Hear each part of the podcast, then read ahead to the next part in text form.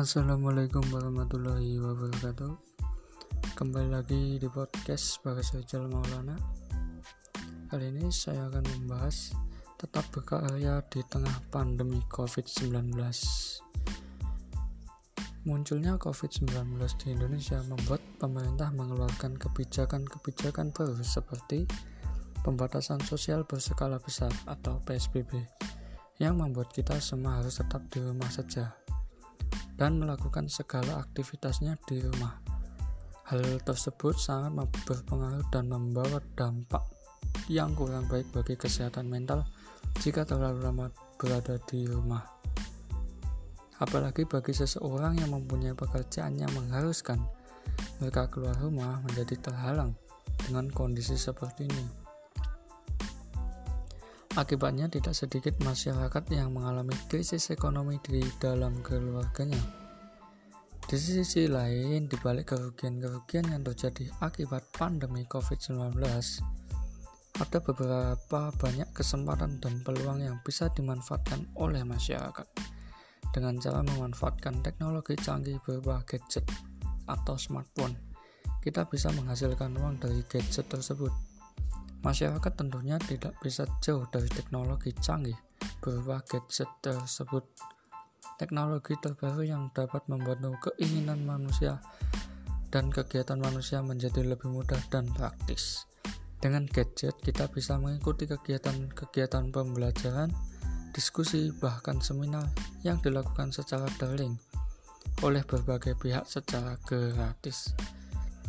Ini tentu satu fenomena yang tidak banyak terjadi pada masa all normal sebelum pandemi ini muncul.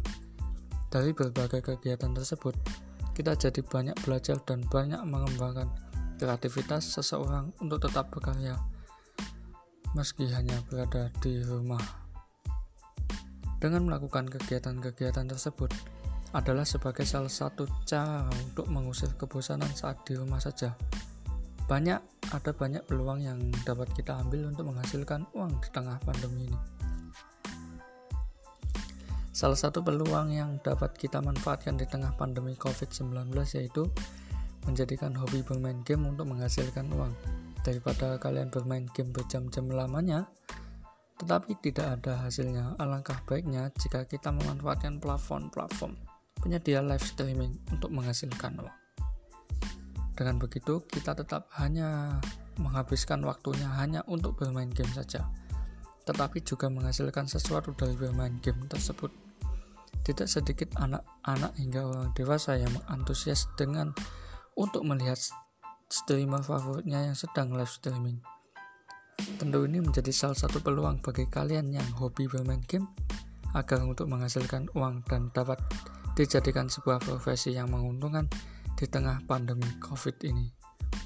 Meski kita dihadapkan dengan kondisi yang sulit untuk bepergian keluar rumah, tetapi kita juga bisa memanfaatkan hal-hal yang positif untuk tetap berkarya dan kreatif di tengah masa pandemi COVID-19.